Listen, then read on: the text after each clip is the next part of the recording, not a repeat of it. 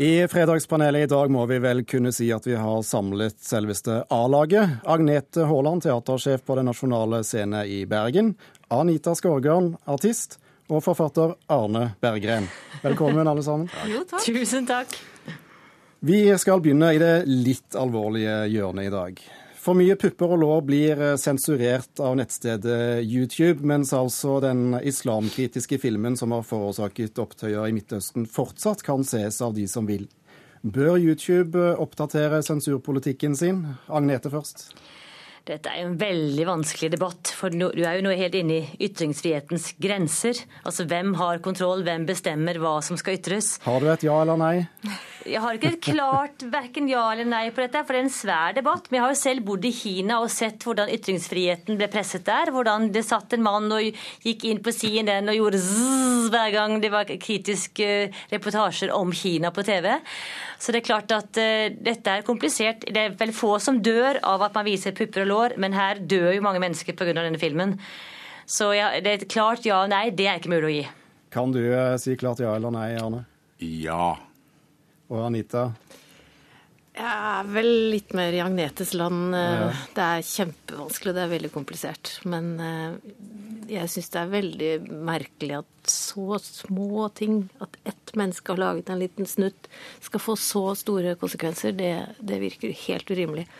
Men du har tatt et klart uh, standpunkt? Ja, siden jeg var, gikk kjekt ut og gjorde dette lett, så kan jeg jo bare si at jeg vil jo ha mye mer pupper på YouTube. Uh, men, ja, altså, men, eh, men eh, veldig tolerant for det. Men, men jeg, jeg, må jo si at den, der, den eh, ideen om ytringsfriheten som noe hellig, tidløst sant, som vi dyrker i Vesten og forvalter på de merkeligste måter, jeg tror det står for fall. Jeg syns det er helt uh, greit å diskutere, og at det nesten er tabubelagt å si ja, jeg tror ytringsfriheten i flere tilfeller må innskrenkes, og at sensur, sånne ord som vi er så redde for å bruke, det, det, må vi i større grad bruke som virkemiddel. Hva YouTube skal gjøre, det er også på en måte en annen diskusjon. Men jeg er vel enig i at uh, vi har et større ansvar. Det er ikke så enkelt lenger. Uh, en eller annen idiot kan sette i gang en enorm brann. Uh, så, sånn at det, det, blir straffbart, eller at det får konsekvenser, det som vi før sa var en, en, en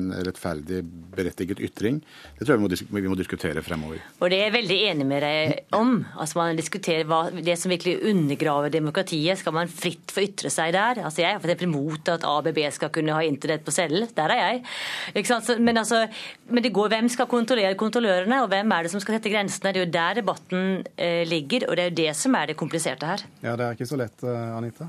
Nei, det er akkurat det.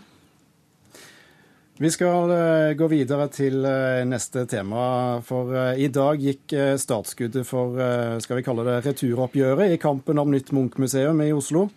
Det kan se ut som det vil koste like mye eller mer å bygge Munch-museet på Tøyen eller å bruke Nasjonalmuseet som det å bygge Lambda med Knekken i Bjørvika. Greier politikerne å bli enige om å bygge nytt museum, ja eller nei? Ja. Ja. Agnete? Ja, Hvis ikke er det jo en skammelig affære. Ja, hvorfor det?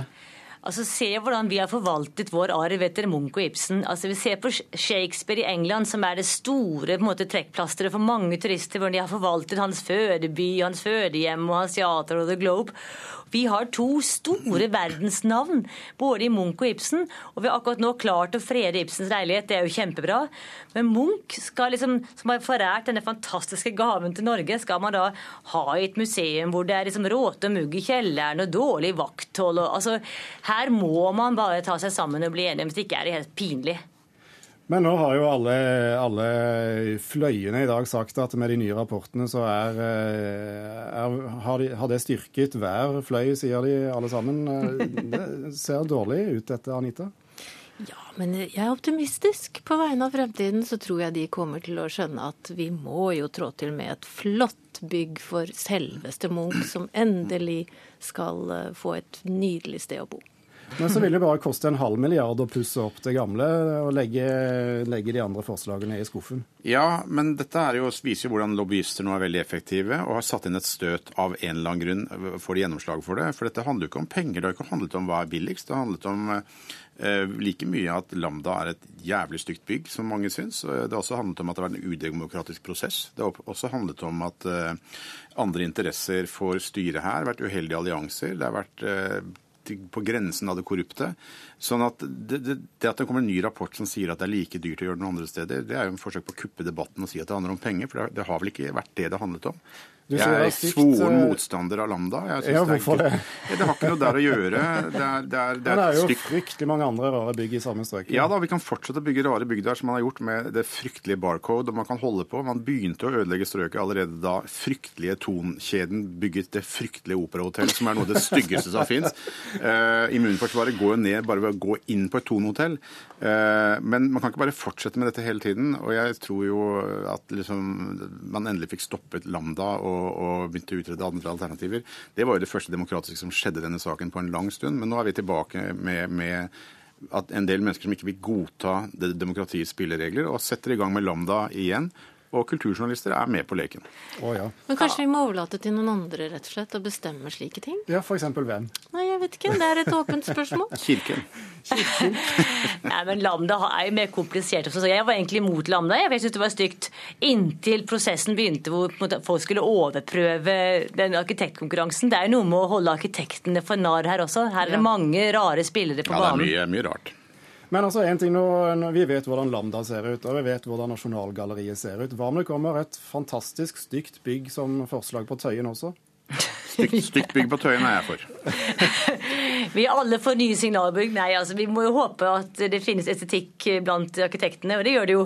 Ja. Det som er viktig, er at vi har politikere som faktisk ser hvilken arv eh, Oslo by og Norge forvalter gjennom arven etter Munch. Og det er jo fryktelig pinlig hvis det skal nå skal gå nye 20 år med krangling før vi klarer å enes om noe som helst. Det blir litt sånn demokrati Det er ikke verdig. Hvem kan være den litt sånn strenge uh, far eller mor her og si at nå må dere skjerpe dere og, uh, og rydde opp og fikse dette? Det må jo være de som sitter på pengene, da, for det er de som på en måte kan være med å uh, bestemme hvordan de skal forvaltes. Så det, jo, det blir jo en politisk avgjørelse. Men det spørs så mye staten skal inn i bildet her, da. Vi må videre ut i distriktene. Eh, for trønderdialekten blir brukt for å vise raringer på film og TV, mener en språkforsker ved Universitetet i Bergen, faktisk. Trond Kirkevågs eh, 'Skremmeren' er kanskje et godt eksempel på det. Er det greit å bruke trøndersk på denne måten? Ja eller nei, Arne? Ja. Agnete? Ja, men har godt finne noen andre rare dialekter også. Anita? Vi har visst funnet tre veldig enige paneldeltakere i dag, ja, sier jeg òg. Men stakkars trøndere, da. Hvorfor skal de få måtte tåle dette? Jeg tror det er den dialekten det er lettest å parodiere. Som er lettest å få til, rett og slett. Jeg tror det er helt tilfeldig eller den dialekten folk flest tror de får til. Ja, ok, okay. altså man, man, tror man kan det, og det er lett å bruke i revy og sketsjer. Ja. Men det er klart at jeg er ikke sikker på om den forskningsrapporten er riktig. Man ser jo ofte at bergensk er også sånn godt brukt hvis du skal være en sånn litt sånn pussig tulling. Ja, du har jo en, du har jo en bergensdialekt bak i hodet, Agnete. Nå kan du ta frem den. Nei, på scenen får jeg ta frem når jeg skal være litt sånn pussig og stril og litt sånn her eh, husmor som gneldrer, og da er det veldig greit å ty til bergensk. Arne, du skriver jo for Hotell Cæsar. Eh, tenker du at det bør være trøndere i rollene når du skriver inn rare karakterer? Ja, men ikke rare. Men det er, altså nødvendigvis rare. Men, eh, men trøndere og bergensere, da, f.eks. har sånn det, sånn, det henger så sammen med en mentalitet som vi kjenner igjen. Eh, så dette er jo på en måte en, også en heder når man kan karikere noe, når man kan ta frem noe. Det blir tydelig, så betyr det at de har en, har en eh, personlighet som alle kjenner igjen. Uh, det er det fascinerende trønderdialekten at den er så langt opp i halsen. liksom. Altså, det er så kjempemye rare ting. Kombinert med disse forferdelige skinnvestene og litt så er, men, Så jeg syns ikke det er noe rart i det hele tatt. Men nei, men helt Det er en nydelig dialekt, det må vi skjerpe oss her. Det er ikke en rar dialekt. Men det er, den, det er, den, som ble tyst til. Men det gjør, de gjør det også med Toten-dialekten. Skal ja. du ha liksom, liksom enfoldig bonde, så plutselig blir du helt sånn Toten. Men jeg har fått tyn i hele mitt liv, for jeg sier sne og efter og nu. Jeg prøver å si det, så jeg syns jo alle andre som får tyn. Men da er alle enige. Trønder trøndere og bergensere, og alle er jo enige om at vestkantdialekt det, det er det ikke noe som heter. Jeg snakker sosiolekt, sosiolekt så jeg er bare, jeg er bare et hevnbegjær og er bare sår jeg, for jeg, at jeg egentlig ikke kommer fra noe sted. Det er rett og slett litt tabubelagt. Ja, ja. Og så har vi kanskje begynt å glemme Raimond fra Fredrikstad. Ja, han er jo en helt. Sier du sne, Anita? Jeg gjør det, vet du. Ja, men se det kommer. Agnete, er det flere på sne her? Ja, altså sne, og vi har jo én sol og én jente. Ja, eh, bergenserne får lov til hytten og solen ja, og ja, kulen. ja, ja, det sier jeg ja. alltid. Er vi enige her, da? Men hvilken, eh, hvilken dialekt er den beste tullingdialekten i Hotell Cæsar? Uh, ja, ja, nei, jeg vet da Vi, vi Tullingdialekt, ja. Nei, jeg holder et snev på, på Hvis du er en sånn villmann, virkelig ur, uregjerlig, en du ikke kan vite hva skjer, som kan gå i alle retninger, den totale løse, løskanon. Og nå venter hele Kultur-Norge spent. spent. Det er jo trønder. Nei, det må du gi deg. Men eh, Agnete, du som leder et institusjonsteater eh, som jo i eh, hovedsak er finansiert av skattebetalernes penger, så det heter så flott. Ja, jeg takker ydmykt for det til alle Ja. som er med og betaler skatt. Jo, takk. Hvor, I hvilken grad passer du deg for diskrimineringsombudet når du setter opp stykker? Du, vi har jo så, Akkurat hos oss har vi faktisk en del veldig gode trøndere som er skuespillere og som bruker den dialekten når det faller seg slik, og det er stort sett når de gjør seriøse roller. Så det, det er ingen tullingdialekt hos oss. Hos oss er det mer sånn, Hvis man skal karikere noen, så er det mer man finner med andre sånn dialekter, dialekter fra inn i dalene et eller annet sted. Så man henger ut noen på et eller annet vis, men det viktigste er hvem som fremstiller den, og på en måte karakteren, og hvordan den skuespilleren faktisk illustrerer dialekten. Hva slags kroppsholdning man har, og hva slags karakter man faktisk skaper.